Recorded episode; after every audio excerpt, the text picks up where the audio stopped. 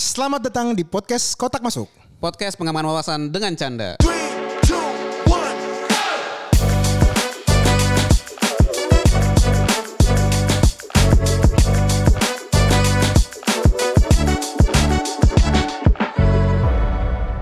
Selamat datang di podcast Kotak Masuk. Halo, luar biasa. Aduh. Bang Moses. Gila ya, ini udah masuk bulan November ya. November, November biasanya identik dengan hujan. Hmm, sudah jelas sekali. Biasanya akan ada kesuburan-kesuburan di Apa? Indonesia gitu ya, kan. ya. Cuman kita harus no, apa notice dulu nih nih. Kita Ya. sudah bekerja sama dengan Anchor, aplikasi yang bisa mempublikasikan podcast kita. Ya, bisa buat ngedit, buat master, kemudian ditambah animasi, kemudian bisa publish di podcast-podcast channel yang kalian ikuti. Dan 100% gratis. Gratis. Dan eh, lanjutin lagi tuh Nick di bulan November ini gue lebih mengarah ke satu literatur nih, nih kemarin gue baca Nick Apa tuh? terkait bioekonomi. Bioekonomi. Nah ini memang mm, belum banyak di Indo karena di Indo itu lebih banyak bioekonomi yang ngomongin tentang perikanan. Oh, Jadi misalnya ya. ya. misalnya di satu daerah misalnya di sebuah kepulauan mereka misalnya beternak sebuah ik- apa ikan ikan yang diternakan terus mereka ngelihat oh berapa sih eh, rasio yang gagal masa panennya tapi Ya. dari sisi ekonominya belum terlalu detail nih. Oke. Nah, gue penasaran karena di udah habis endemi ini kan atau pandemi ini selesai, kita kan ngelihat ya di mana kebutuhan atau keragaman hayati, terus itu kan makin makin susah sebenarnya. Keanekaragaman itu yang menurut gue ke depannya sebenarnya banyak entrepreneur-entrepreneur yang mencoba nih Ya. ke arah sana. Yang kita sudah tahu ada beberapa startup yang sudah happening di pandemi kemarin, Betul. tapi ngomongin rata kan sayur-sayuran. Ya. Tapi kan belum banyak nih yang ngomongin tentang hewan Betul. atau enggak dia ngelihat gak sih petaninya tuh sebenarnya di di take care gak sih Per- yang punya kebun di take care gak sih? Nah, itu yang menurut gue kita sebagai anak-anak muda biasanya kan cuma punya mindset eh, gue mau buat startup nih. Yang keren-kerenan doang kan, IT-ITan doang kan. Tapi lu take care gak sih kara- apa tadi kayak tanaman, hewan ternak, itu lu sebenarnya itu bisnis yang oke. Kalau gue Iya. baca-baca ya, dan negara-negara kayak Malaysia, eh, negara-negara yang di luar kita juga tuh udah udah mulai ke arah sana gitu. Nah, gue mau nanya lo nih, punya temen lagi nggak yang jago nih kayak gini-gini nih? Iya, eh, mungkin gue sedikit menambahkan tadi apa yang eh, lu pikirkan ya. Gue juga sebenarnya ngerasa kayak bisnis-bisnis yang ada itu lebih banyak kan platform ya. Yes, platform-platform platform. untuk mempertemukan penjual dan pembeli gitu. Nah kebetulan gue juga ada nih satu teman gitu yang memang gue lihat di profilnya tuh bergerak di bidang yang memang real gitu, real yang berbicara menang tentang eh, agriculture-nya gitu. Jadi eh, mungkin kita langsung sambut saja ya, Siap, Bang David. David. Halo, halo, halo. Halo bro. Halo, bro. Kayaknya kita satu mar apa orang Batak juga nih kayaknya. Iya, ya. David Siregar. Wih, aku Panjaitan bang. Oh. Wah, udah cocok ini nih. Dari dari ini juga bang, Depok City. Dari Kuliahnya. Bogor, Bogor. Oh, Oh, kalau kuliah kuliahnya di di Depok City? Kuliah di UI. Oh, ya. UI. Kalau rumah eh, aslinya di Bogor, sekarang kerja ya di Jakarta. Tapi Wih. sering tiap minggu ke Bogor lah. Wih, Siap, siap, siap. kayaknya anak UI bersinar semuanya nih kayak. Karena kebetulan yang diundang anak UI bang. Coba yang diundang yang kampus yang Iya, iya. apa ada burungnya itu mungkin. Oh iya, mungkin mungkin ya. Bisa bisa. Tapi presiden bukan anak UI. Udah ngeri juga nih. Bang, eh, abang sekarang eh, kalau gue boleh tahu dulu penjurusannya di UI apa bang? Nah, akuntansi. Hah? Akuntansi. Sarjana ekonomi akuntansi. Kok bisa nyebrang ke industri yang yang tadi Niko bilang? Eh jadi itu wah ceritanya lumayan pa- eh, nggak panjang banget sih. Cuman eh, ini kan saya sekarang tuh sudah dari lulus tuh udah 12 tahun lah ya. Iya, iya. Lulus itu 2000 oh 11 berarti 11 tahun. 2011 akhir eh, udah udah udah terakhir dan 2012 itu udah udah udah apa namanya udah Kerja. ke- udah kerja lah gitu. Udah kan udah kerjanya udah lumayan lah. Nah, eh, emang awalnya auditor dulu di salah satu Big Four lah. Cuman kayaknya kok kita jago akuntansi begitu disuruh kerjaan akuntansi kok kayaknya kurang passion di situ. Oh males lah ya ngeliat neraca lah ya. Eh, Iya, masalahnya akuntansi itu bukan masalah yang seperti kita pelajari. Oh. Awal-awal itu kalau mungkin tahu itu Hmm? vouching lah, udah gitu cash balance. Nah, itu udah Ah, iya, capek- ah, capek cash tuh. ya bukan kalau anak-anak kalau di situ associate lah itu ah, ngomongnya kita mesti mesti vouching udah gitu sama cash. Cash itu kan lihat bank statement gitu. Itu Hmm. Iya. itu sangat clerical sekali. Jadi uh, memutuskan untuk pindahlah ke bagian manajemen strategi. Mencari gitu. tra- apa, mencari tantangan yang lain ya. Manajemen strategi. Ya strategi konsultan lah kalau kalau bisa dibilang. Nah terus itu masih kita ngomongin belum ketemu kebun sama tani nih. Belum, belum Ah, makanya ber- panjang dari, Terus? dari situ tapi kan eh, apa kita dari kan mulai pertama spesifik akuntansi Hmm. kita ke general nih konsultan konsultan strategi kan general apa pun bisa masuk. Nah eh, ya ada beberapa sta- eh, sta- startup yang eh, masuk udah gitu juga eh, sempat menjadi VP BUMN juga udah gitu sambil eh, apa ya kita bisa bilang sambil eh, karena BUMN itu bisa diselingi lah kerjanya dengan dengan dengan satu usaha sendiri ya akhirnya mulailah usaha jual-jual sayur kecil-kecilan. Oh, mulai dari diri apa sendiri dulu berarti usaha ya? dulu sendiri. Jadi Oke. usaha dulu sendiri sayur kecil-kecilan, lama-lama eh, lumayan eh, besar. Ya besar nggak sebesar eh, sayur box enggak, Ya, cuman ya. lumayan lah di di di Shopee dan di Tokopedia lumayan salah satu yang paling besar. Apa tuh yang sayur dijual online. tuh? Sayur, sayuran aja, sayur dan buah. Sayur dan sayur dan buah. Memang Oke. eh, eh, sayur dan buah lumayan lah mungkin barang sehari itu satu setengah ton sampai dua ton. Itu mah bukan lumayan Rata-rata. lagi, Bang. Bagus itu, Bang. tonasenya lah tonasenya gitu dan ada kalau kalau pesanan tuh udah 150 200 pesanan lah gitu gitu Hmm. sehari tiap hari kayak gitu ya. Tapi memang keluarga punya background Enggak ada juga sih. Enggak juga. Enggak juga, cuma kita ngelihat aja eh, wah ini kayaknya ya kita kan kemarin ya maksudnya istri kan yang mulai-mulai usaha kan istri, istri mulai usaha di bidang kuliner segala macam. Eh, ada untungnya tapi nggak besar. Saya lihat wah ini eh, dan kebetulan ada satu channel juga di eh, pasar induk. Kita lihat oh ini kok untung tuh bisa sampai marginnya itu bisa sampai 100% gitu. Jadi benar-benar beli 5 ribu jual 10 ribu gitu. Oh. jadi dari situ baru ah kayaknya sayur oke nih dan sayur online kemudian lagi lagi naik-naiknya. Oke. Uh, kemarin dengan adanya uh, apa salah satu startup juga yang naik juga gitu. Ya udah kita coba deh kita jual tapi kita kita mah simpel-simpel aja Shopee sama Tokopedia gitu. Uh, ya udah kita mulai dan ternyata lumayan naiknya. Nah dari situlah kebetulan ada teman-teman nawarin, kolega-kolega nawarin, ini ada startup baru nih, startup pertanian. Oke. Nah, mau nggak join sebagai ya salah satu uh, si kelas atau founding team lah bisa dibilang gitu untuk namanya memperbesar ini. Nah, kebetulan saya punya bisnis ini ya saya pengen sekalian belajar uh, untuk pertanian. Ini kan downstream nih. Ya, Kalau saya ya. uh, ini.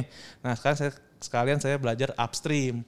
Upstream ini eh, penja- pengertiannya berarti dari petaninya langsung ya? Ya betul. Jadi petani. Jadi Oke. karena uh, nah, mungkin baru masuk kali ya ke apa itu belief itu ya. Hmm. Jadi uh, startup ini bergerak di bidang pertanian, bukan trading. Beda loh kalau Oh, beda. misalnya Iya, beda. beda. Kalau Oke. yang trading itu mungkin yang saya, saya bilang lah tadi ada beberapa startup yang udah mulai duluan. Itu trading sayur, uh, buah, ikan, daging gitu ya. Atau Ya. bahkan ada yang benar-benar trading pure sayur dan buah ada tuh. Mungkin bisa dicari lah sama teman-teman nggak usah saya sebut. Uh, tapi trading. Ya, ya. Uh, ya ada lah dia sedikit acaranya cuman bener-bener ya kayak untuk uh, supply dia sendiri gitu. Hmm. Nah kalau kita itu bener-bener pure farming gitu kita bisa bilang farming as a service lah kalau bisa dibilang. Jadi kita punya uh, lahan, uh, lahan R&D, lahan produksi kita punya dan juga kita punya mitra tapi bener-bener kita take care Ya, ya. dan benar-benar benih SOP pertanian sampai nanti ketika off take kita eh, mereka jual sampai kita uh, ambil dan kita jual uh, ada yang ada yang uh, loose tapi ada uh, banyak juga uh, dari kita majority sih udah ada brand kita juga kayak gitu. Oke. Wah, Oke. Jadi benar-benar ujung end to end lah. End to nah, end, bro. kebetulan ya makanya karena masih berhubungan juga kemarin dan juga wah ini pengen tahu juga nih ujungnya di mana nih upstreamnya. Uh, ya akhirnya ya join lah kita sebagai COO gitu. Saya sebagai COO. Nah dari tim foundernya itu memang eh, kalau dilihat dari profil yang lain ya itu ada yang memang berhubungan dengan teknologi pertanian ada juga. ada ada kita ada Oke. ada ada produk ya mungkin kita juga eh, itu pasti karena teknologinya mungkin nggak bisa nggak bisa kebayang kali ya teknologi pertanian itu kalau di luar negeri itu udah udah udah umum sekali teknologi pertanian itu Oke, boleh dijelasin nggak tuh di, di Ini bukan cuman bajak sama cangkul kan? Iya. Bukan, Bukan, kayak bukan, Harvest Moon kan ya? bukan, Bukan ya enggak siapa tahu enggak. Soalnya kan enggak semua orang uh, Bang uh, well known about this topic. Iya, ya kan? Kalau ngomongin tadi upstream mungkin kita tambahin juga ini kayak upstream itu berarti dari petani, dari lahannya. Iya, pupuknya. biasanya ke uh, ditanam dulu, dilihat di sawahnya dulu. Iya. Terus dia naik ke tengkulak lah bahasa Iya, zaman dulunya betul. tengkulak, Iya. tengkulak nanti ngasih lagi ke satu pengepul, pengepul baru masuk ke modern market, market atau retail. Nah, modern market sama retail tuh downstreamnya ya berarti ya? Iya, kalau kalau sayur itu sebenarnya modern market retail itu cuma 5% sebenarnya. Oke. Yang, yang besar itu namanya pasar induk. Ah, Oke, Pasar jadi- induk, ya, Keramat oke. Jati, pasar Iya. induk Cibitung, pasar induk Bogor, TU situ. Pasar induk pasar induk lah. Itu Ba- itu 95% langsung down- itu ke situ kalau sayur. Berarti itu do- downstreamnya ya. Downstreamnya Jadi itu. pendengar podcast otak, otak masuk, eh, gini kita step by step nih. Iya. Kita ngomongin cycle sayur yang lo makan, sama ayam yang datang di depan mata lo, itu tuh ada ada prosesnya. Ada prosesnya. Ada up, ada down. Cuman bang, tadi gue mau nambahin juga dari Niko juga nih. Ini perkembangannya nih, Iya. kan yang tadi gue bilang di awal kan baru pas pandemi ya. Iya. Semua orang, oh ada ya eh, startup kayak gini segala macam dan Bang David sendiri kan akhirnya dari usaha sendiri juga kan, Iya. usaha sendiri dan berkembang. Itu perkembangannya cukup signifikan gak sih Bang Ya, di kalau- lima tahun ini? Kalau usaha sendiri yang usaha saya itu lumayan, tapi Hmm. kalau misalnya sekarang sih jujur aja kemarin berkembangnya itu pas saat pandemi karena kan semua butuh nggak mau ke pasar lah ya, Iya. siapa yang mau Iya. ke pasar pada saat itu. Nah, cuman sekarang sih udah dibilang udah stabil lah. Kalau bisa dibilang. Nah, cuman memang ya itu eh, stabil. Nah, makanya karena udah bisa stabil saya langsung mau handle yang bagian upstreamnya ini pekerjaan saya sebagai ini beda nih karena kan kalau itu usaha sendiri ya. Kalau Iya. ini kan uh, apa benar-benar profesional kalau ini kan. Nah, ini ya karena itu udah stabil bisa dipegang istri lah kurang lebih gitu karena cuma tinggal operation aja. Nah, sekarang ini saya mau benar-benar bel- belajar dan membesarkan uh, Yang perusahaan upstream. ini, yang upstream ini karena menurut saya apalagi kalau misalnya mungkin kalian teman-teman udah tahu ya kalau uh, sekarang permasalahan 2022, 2023, 2024 mungkin sampai 2025 masih itu cuma dua krisis kan pangan dan energi. Yes, Nah, betul. sekarang saya uh, karena saya lihat wah ini lumayan besar juga ini ya kita ambilnya di yang di pangan lah kebetulan gitu. Iya, karena kalau eh, dari sisi supply chain lah ya yang kita bisa tahu, kalau lo mengkontrol up dan downnya di satu titik, lo tuh mempunyai balance yang berbeda. Hmm. Karena kan dari itu tumbuh kan Nick ya. Supply-nya ya. Dari supply-nya lo kontrol dan demand-nya juga bisa lo taruh yang demand yang benar-benar profitable atau Hmm. yang tidak merugikan gitu kan. Semuanya sebenarnya everybody win di dalam pola Iya. supply chain itu ya. Cuman ini kalau yang di benar-benar yang kalau di belief ini ya beda. Mereka belief ya belief. Kalau usaha saya kan usaha sendiri itu kan cuman apa itu mah benar-benar beli pasar induk. Kalau ini belief yang benar-benar di ujung ke ujungnya, yang benar-benar nanti Wow. pakai end to end yang benar-benar pakai brand sendiri. Kita ada Oke. beberapa brand. Jadi kalau saya sih eh, karena saya udah punya ilmunya di usaha sendiri, saya pengen nerapin yang di, di yang di profesional ini kebetulan. Dan walaupun itu beda, tapi banyak kesamaan lah. Paling nggak saya tahu barang gitu. Ya. Nah dari barang itu kan baru di, di tahu, tahu nih, oh ada barang ini uh, yang bagus kayak gini, harga segini. Nah ke depan uh, upstreamnya bagaimana? Nah itu ya ilmu yang saya dari dari, dari usaha saya ke sini. Tapi sebenarnya itu uh, completely separate itu mah lain gitu. Iya. Bang David kalau boleh diceritain kalau jadi tadi namanya Belief ya, eh, farm ya, namanya Belief Farm gitu ya. Itu produknya apa aja kalau boleh di share? Eh jadi gini, beli farm itu sebenarnya udah tiga tahunan lah ya, dan Ya. udah ada di eh, mulainya dimulai sama CEO kita, founder kita tuh eh, Pak Amrit namanya. Eh, itu sebenarnya mostly mulainya itu di hydroponic. Tapi Hydroponic. hydroponic real eh, modern hydroponic yang bener-bener textbook hydroponic meaning uh, ilmunya ada. Kalau kadang orang bikin hydroponic cuma hydroponic doang gitu, Iya, ya, iya, iya. yang kayak di rumah gitu, bukan bukan begitu modelnya. Ini bener-bener real textbook hydroponic yang bener-bener ada apa namanya kalau bisa dibilang bener-bener ada kayak manufacture-nya lah kayak uh, untuk air nutrisinya itu bener-bener tangkinya khusus segala Oke. macam pakai mesin. Oke. Nah, itu udah udah sudah mulai tiga tahun uh, sebelumnya walaupun memang masih uh, di modern green leaf lah ya kita bisa bilang sa- uh, sayur-sayuran hijau ya sama ada beberapa selada kayak gitu sih ada beberapa sayur-sayur yang sayuran lah tapi kalau bisa dibilang kita NFT untuk hidroponik gitu nah Oke. Terus uh, founder kita Pak Amrit ini uh, mau mengembangkan bisnisnya karena ini kan besar sekali ya apa Ya. potensinya dan akhirnya kita sekarang berkembang dari uh, mu- mulainya uh, dari hidroponik yang sayur lama-lama uh, greenhouse tapi soil uh, ada beberapa uh, dan soilless yang pakai apa uh, ya adalah ilmu-ilmunya yang pakai kayak polybag kayak gitu ya Ya. kayak misalnya kan melon gitu tomat tomatnya tapi tomat yang beef gitu ya yang yang mahal gitu Itu nggak pakai tanah tadi tuh, soilless, Eh, itu pakai polybag polybag. jadi di polybag nanti ada ilmunya lah pakai kayak gitu tapi tetap di greenhouse. Oke. Jadi kita tetap pakai. Nah dari situ kita bermitra untuk green untuk greenhouse dengan sayur juga. Nah kita bermitra juga. Eh, lah, makin lama berkembang lah Eh, untuk yang itu tadi tomat beef, apa namanya melon segala macam. Ada beberapa ada beberapa inilah beberapa produk yang akhirnya SKU SKU yang kita inihin juga yang kita apa namanya bekerja samakan juga. Ya. Jadi kita punya, mitra juga punya, jadi nanti eh, saling melengkapi kayak gitu. Nah, baru ke, kita juga ada open field. Open field tuh lahan terbuka yang Ya. tradisional itu ya, itu namanya open field kalau kalau di ilmunya tuh open field. Nah, itu juga kita sedang mengembangkan itu. Jadi masih yang tanaman-tanaman gitu ya. Kalau yang daging gitu emang Enggak, belum? Oke. kalau ini memang beli kan farms ya, kita kan Farm beli ya, farms ya. oke. Jadi farmsnya itu adalah farm untuk tanaman, sayur Oke. dan buah. Sayur dan buah. Itu apa, apa fokusnya dan kita kayaknya nggak bakal ke nggak bakal ke farm farm ayam atau enggak sih, Iya, farm sayur dan buah aja. Tapi kalau yang untuk sayur dan buah tadi pas eh, Bang David sendiri ngomongin tentang teknologi nih. Iya. Yang saya tahu nih Bang, kalau tanah kita yang di Medan atau di kampung ya kan, itu kan dikelolanya kan masih tradisional banget ya. Kayak misalnya kita ada tanah warisan kan, yang di kampung sana kan nggak canggih. Pas kita datang ke sana ya masih cangkul, bajak yang biasa. Nah, cuman teknologi yang dikasih saat ini atau abang jalanin itu kayak gimana sih untuk tanah Oke, yang jadi konvensional ya, gitu? mesti dibagi dua dulu ya kalau soal teknologi itu. Pertanian itu ada dua Hmm. modelnya di dalam greenhouse dan di tan- oke. di luar lah gitu ya. Greenhouse Oke. itu nanti ada yang hidroponik, soil, apa namanya media tanam gitu. Nah kalau di luar ya di luar lah semua kan kayak biasa. Nah kalau misalnya hidroponik yang di dalam greenhouse itu lebih gampang, lebih mudah untuk teknologinya karena teknologi ada beberapa mesin, ada beberapa sensor itu udah bisa. Oh, Pakai sensor bang Pakai, di dalam greenhouse itu. Iya, bahkan Anjir di, canggih banget. Ada bahkan- IoT-nya ya berarti ya. ada bahkan itu eh, sampai ini eh, bang apa sampai di eh, tangkinya itu udah ada mesinnya untuk kayak Anjir Har- Harvest Moon kalah nih. Fix kalah Harvest Moon.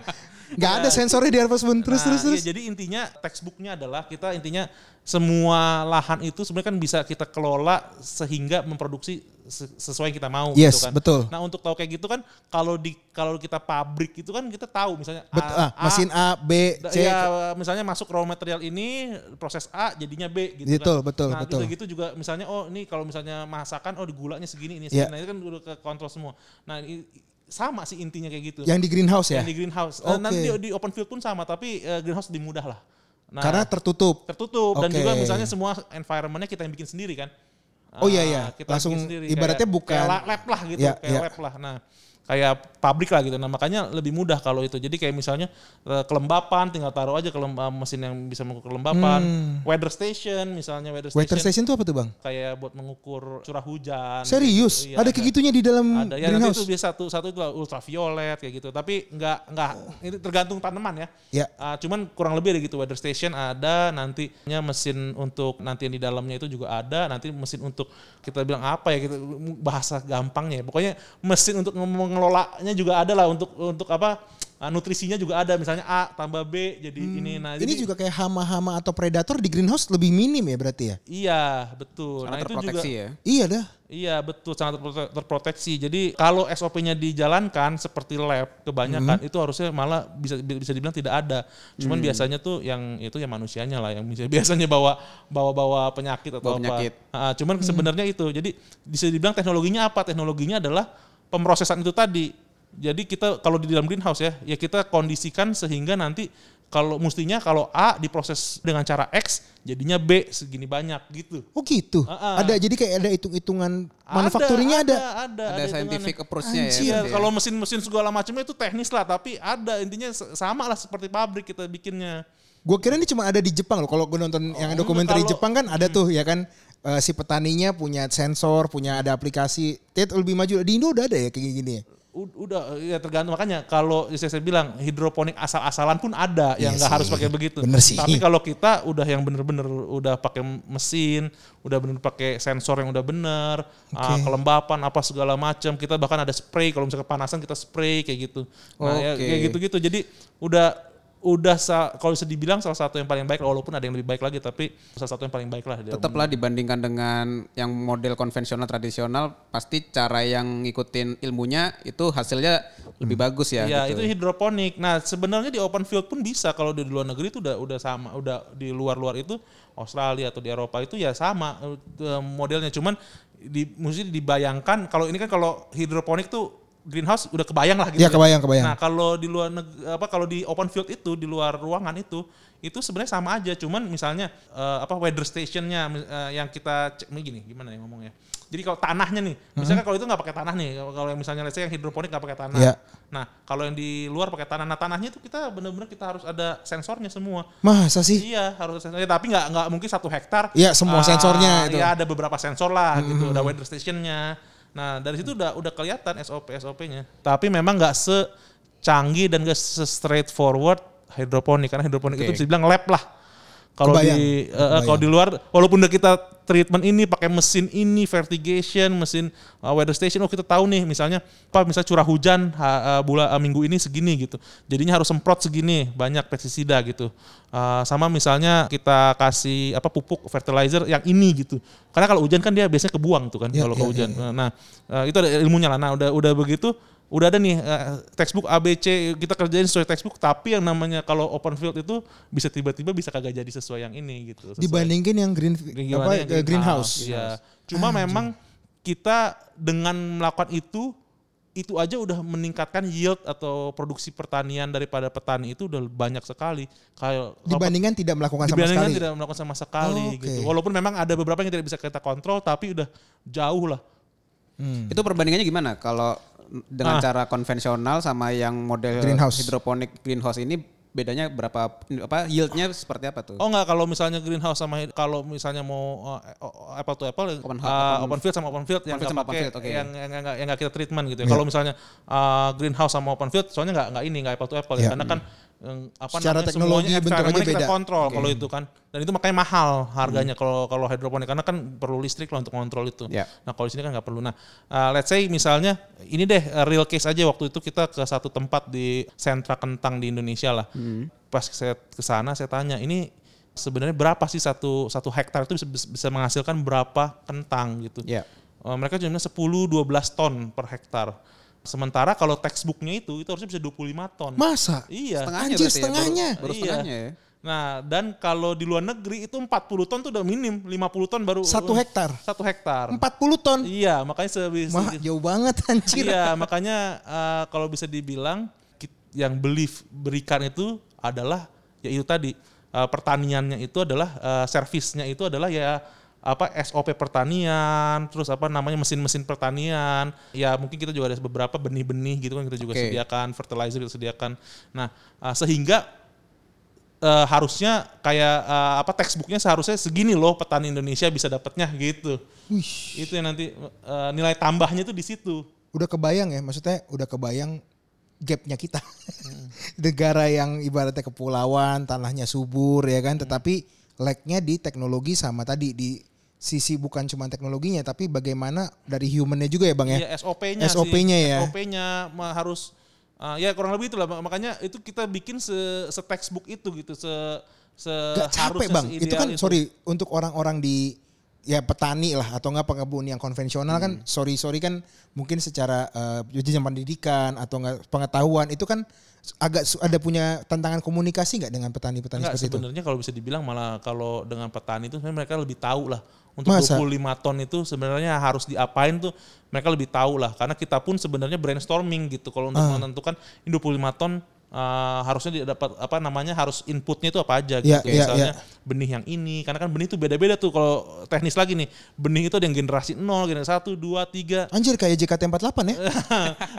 bukan kalau ini Bukan ya? Bukan kalau ini kalau misalnya eh, simpelnya gini deh kalau misalnya kayak misalnya kita punya ah, apa ya ngomongnya ya misalnya buah deh jeruk Iya, gitu ya iya. jeruk kan punya biji Mm, nah bijinya itu bisa ditanam jadi jeruk lagi kan betul. nah itu generasi setelu- se- eh, seberikutnya se- eh, apa untuk yieldnya dan kualitas tanaman itu nggak sebagus parentnya Oh, Oh. gitu. Ah, Jadi yang paling origin nol itu yang paling bagus ya? Iya original tuh dibikin di pabrik tuh bukan di pabrik lah kita bilang eh, kultur jaringan tapi ya Anjir ada lebih canggih gitu. lagi. Berarti ah, itu kayak eh, di genetikanya ya, rekayasa Iya, genetika. rekayasa genetika, Keren gak kultur- masa gua? Hah? Rekayasa Iya. genetika ya? Sebenarnya nggak harus sampai gitu sih, cuma namanya kultur jaringan lah biasanya Iya, kita iya, sebut iya, tuh ya iya. kayak breed apa hybrid gitu kan. Nah, Hmm. itu, itu tuh itu G0 biasanya. Nah, itu turun turun turun turun. Nah, biasanya makin mak- karena makin ke bawah makin yieldnya makin kurang, kualitas makin jelek, makin murah gitu kan. Oh. Nah, yang tadi kita la- lanjut lagi ke kentang, biasanya tuh mereka mereka tahu kalau misalnya mereka pakai G2 yang generasi kedua itu mereka pasti dapat 25 ton eh, dengan cara ini ini nih. oke. Cuman karena mereka nggak punya modal, akhirnya mereka pakai G- generasi kelima yang mana cuma udah 12 ton, 10 ton, 9 ton bahkan. Cuman sorry bang, kalau misalnya root cause-nya di nggak punya modal, berarti ada nggak sih lag-nya dari petani-petani ini dalam menjual? Karena kan gini, secara knowledge mereka tahu dong, ya kan. Ya. Tapi ini secara dia berjualan, apakah Nah, itu wah gimana itu, bang? Wah itu root cause-nya panjang ya karena bukan dari modal aja itu sih. Tuh kalau diceritakan itu Mungkin umumnya, banget. umumnya generalnya ma- gimana? Jadi kalau di eh, jadi gini deh, eh, gampangnya kalau di desa atau kampung itu kalau misalnya let's say kentang lagi lah biar Mm. biar gampang. Itu udah udah ada udah dipegang gitu sebenarnya Oh. sama Udah di udah ada Iya. standby jagoannya, bayarnya. standby jagoannya. belinya kalau kita Oke. bisa bilang tengkulaknya atau pengepul atau kita bisa bilang kalau di kentang itu penangkar namanya. Jadi udah udah udah standby. Jadi ya udah memang sengaja dijadikan seperti itu. Jadi misalnya benihnya pakai benih gua nah benih pokoknya tanam aja deh nanti gua beli harga segini misalnya gitu ya. Anjir, Untung udah bagi kayak dua. gitu? Iya udah kayak gitu memang emang begitu ya kejadian kalau di pertanian tuh begitu. Berarti bukan gara-gara masalah eh, teknologi atau kemampuannya dong. Nah, itu Tapi dia- sistem yang udah udah udah kayak begitu ya. Ya, jadi itu jadi gini. Pertanian ini eh, jadi gini kalau misalnya kita bilang kalau dulu di eh, inilah te- ilmunya teorinya pertanian itu bisa ada level 0, level 1, level Ya, 2, level 3 ya, gitu ya. ah. Ya. Nah, eh, kalau level ti, mungkin level level udah paling atas itu adalah yang pakai yang udah benar-benar pakai ya pakai apa mesin Ya. yang kayak saya bilang itu udah udah kayak yang hidroponik lah udah udah pakai mesin udah pakai eh, sensor udah pakai Ya apa ka- karena sorry bang, gue potong. Lo nge- nge- ngebayang ya, mungkin pernah nggak masuk ya. Yang dibilang itu bener banget. Mike Tyson itu punya kebun ganja yang di Amerika itu udah hydroponic teknologinya udah paling paling bagus tuh. Pakai mesin gitu ya. Pakai mesin karena nanti di UV-nya tuh bisa geser nih. Jadi itu ganjanya bisa jalan bos sendiri. Dia bisa. Maksudnya dia ininya Iya hidroponiknya tuh bukan kayak yang punya mak di situ ya. Bener yang dibilang Bang David. Udah bisa kayak katrol robot gitu bos. Biar UV-nya tuh bisa merata. Kebun ganja. Ini ngomongin kentang. Jadi masih itu jauh lah kita. masih jauh itu berarti jauh makanya levelnya makanya saya bilang level 0 1 2 3 mau 4 5 lah gitu misalnya nah kita tuh level mana nih kita masih jauh lah Jauh banget ya, Bang, jauh ya? banget kalau misalnya mau sampai apalagi nanti sama indoor farming oh tuh jauh banget Oh itu lah. Indofarm beda lagi ya itu beda ya? lagi tuh udah levelnya udah level Karena sana sorry lagi si Mike Tyson itu Nick itu di basement loh. Dia buat kebun ganjanya. Nggak perlu pencahayaan. Gak perlu di basement. Lo Iya, kalau nggak percaya lo coba browsing di YouTube deh. Oke. Itu gila Eh, tuh itu orang. ilmunya pakai inilah pakai apa UV yang eh, yang ungu-ungu gitu Ya lah. ya benar benar. Seru banget itu, nah tapi intinya eh, kalau balik lagi ke apa namanya eh, pertanian Ya, Indonesia ha, ha. kita di level 0 mau level 1 dulu deh Ya. yang mana benihnya dulu benerin Benihnya dulu, ya. ya. SOP-nya dulu ikutin kan sesimpel itu Yes. kalau misalnya di manufaktur atau di pabrik ikutin dulu SOP masa nggak bisa nggak ISO-nya lah, kalau ISO-nya standar ISO-nya, ya. ikutin nah itu itu pun belum belum lagi nanti masalah pendanaan masalah apa baru teknologi baru kita ngomong Iya iya iya Nah, iya. kita juga udah siapin semuanya sih untuk untuk sampai level yang sampai ujungnya itu kita udah siapin sebenarnya. Gokil, Cuman, gokil. Ya ini permasalahan awalnya dulu nih yang kita lagi lagi selesaikan nanti ke depannya pasti nanti ke sana lah. Iya, senggangannya sudah dimulai dengan belief ini kan. Iya. Sudah dimulai ya nih ya. Dari 0 ke 1 dulu. Cuman tadi yang tertariknya bagian yang tadi itu Bang, kalau ngomongin tengkulak lah bahasa istilah tengkulak ya untuk kentang nih. Itu nggak ada eh, tantangan kah untuk lo meyakinkan si petani itu langsung ke belief atau gimana? Tantangannya sih nggak gini ya maksudnya eh, itu kan semua open ya, maksudnya Oke. bukan bukan kayak ada mafia anak, Nah, iya, enggak iya, sih iya. sebenarnya. Dan ya kita juga kerjasama dengan orang-orang lokal ya, maksudnya kita juga nggak saling makan gitu. Itu kan Oh. besar sekali kayak namanya di apa eh, sentra kentang itu sangat besar ratusan hektar gitu. Mungkin mereka juga nggak ada yang nggak bisa kepegang gitu kan. Iya. Nah jadi sebenarnya sih kalau kalau saling makan mungkin bukan di varietas ini. Mungkin kalau kita bisa bilang varietas mungkin ada lagi kayak misalnya yang banyak mafianya apalah gitu misalnya Eh, bawang atau apa nah itu mungkin lebih banyak gitu. Tapi kalau di contoh saya kentang itu sebenarnya nggak nggak nggak terlalu gimana. Nggak terlalu kasar lah ibaratnya atau nggak? bahkan nggak- ada lah kalau bisa dibilang. Oke. Sayur, kentang, eh, mungkin beberapa varietas lainnya itu bisa dibilang minim banget lah. Iya, nah, memang nanti ada kalau misalnya kita adalah misalnya mungkin ada beberapa varietas yang ada mafianya, nah itu beda lagi emang cara mainnya gitu. Emang sudah praktek umum Bang Moses seperti itu kan. Iya. Jadi justru teman-teman dari Belief ini yang membuat revolusi lah gitu loh. Jadi membuat perubahan gitu kan. Iya, Tapi tadi ya maksud gue dengan hanya mengganti atau mere- merestructure benihnya aja yieldnya bisa sampai Iya, dua kali tiga kali gitu. Nggak perlu Tapi yang memang pakai harga mesin kan. benihnya jangan salah, harga benihnya ini yang ini 22.000 per kilo, Hah? yang itu harga benihnya 8.000 atau 10.000 per kilo Hmm, gitu. mamam Jadi tuh. Sementara kita butuhnya kalau satu hektar itu 2 ton sampai 3 ton, 2 sampai 3, 2 ton lah let's say gitu. Jadi berapa tuh 2.000 kali 12.000 beda 24 juta satu siklus tanam. Belum yang lain-lainnya fertilizer, kalau misalnya yang itu kan yang asal aja gitu Ya, kan, tapi yang yang- asal ada ya, aja. ya. Nah itu itu bisa bisa sampai puluhan juta bahkan ratusan juta untuk satu hektarnya memang untuk sampai yield segitunya gitu. Tapi yang gue pelajari emang gitu sih Bang Moses ya. Kalau kita mau jadi negara maju di sisi agriculture itu harus perusahaan yang mengembangkan. Kalau yang ngembangin itu yang model satuan perseorangan itu pasti nanti ketemu lagi case yang tadi modalnya terbatas, udah di kontrak, quote unquote di kontrak ya. Tapi kalau perusahaan yang masuk dan mengelola dengan baik itu dia akses ke modalnya ada, terus tadi bisa ada apa SOP-nya jelas gitu. Oke, jadi Hmm. eh, sebelum Niko terlalu jauh, jadi gue coba di episode ini di stop dulu. Oke. Di kita kita coba summary dikit. Jadi intinya eh, Belief ini membantu petani ya bang ya. Iya betul. Dari sisi upstream sampai downstream dan memang kita akan ngebahas di episode selanjutnya adalah tantangan-tantangan, terutama yang dibilang sama Niko nih. Apakah dengan startup ataupun perusahaan swasta membantu pemerintah lah ibaratnya untuk eh, kesediaan pangan kita. Hmm. Oke? Oke. Jadi kita lanjut di episode selanjutnya. Thank you teman dengar podcast Otak Masuk. Eh, jangan lupa subscribe eh, IG kita dan channel kita di Spotify. Thank you Bang David.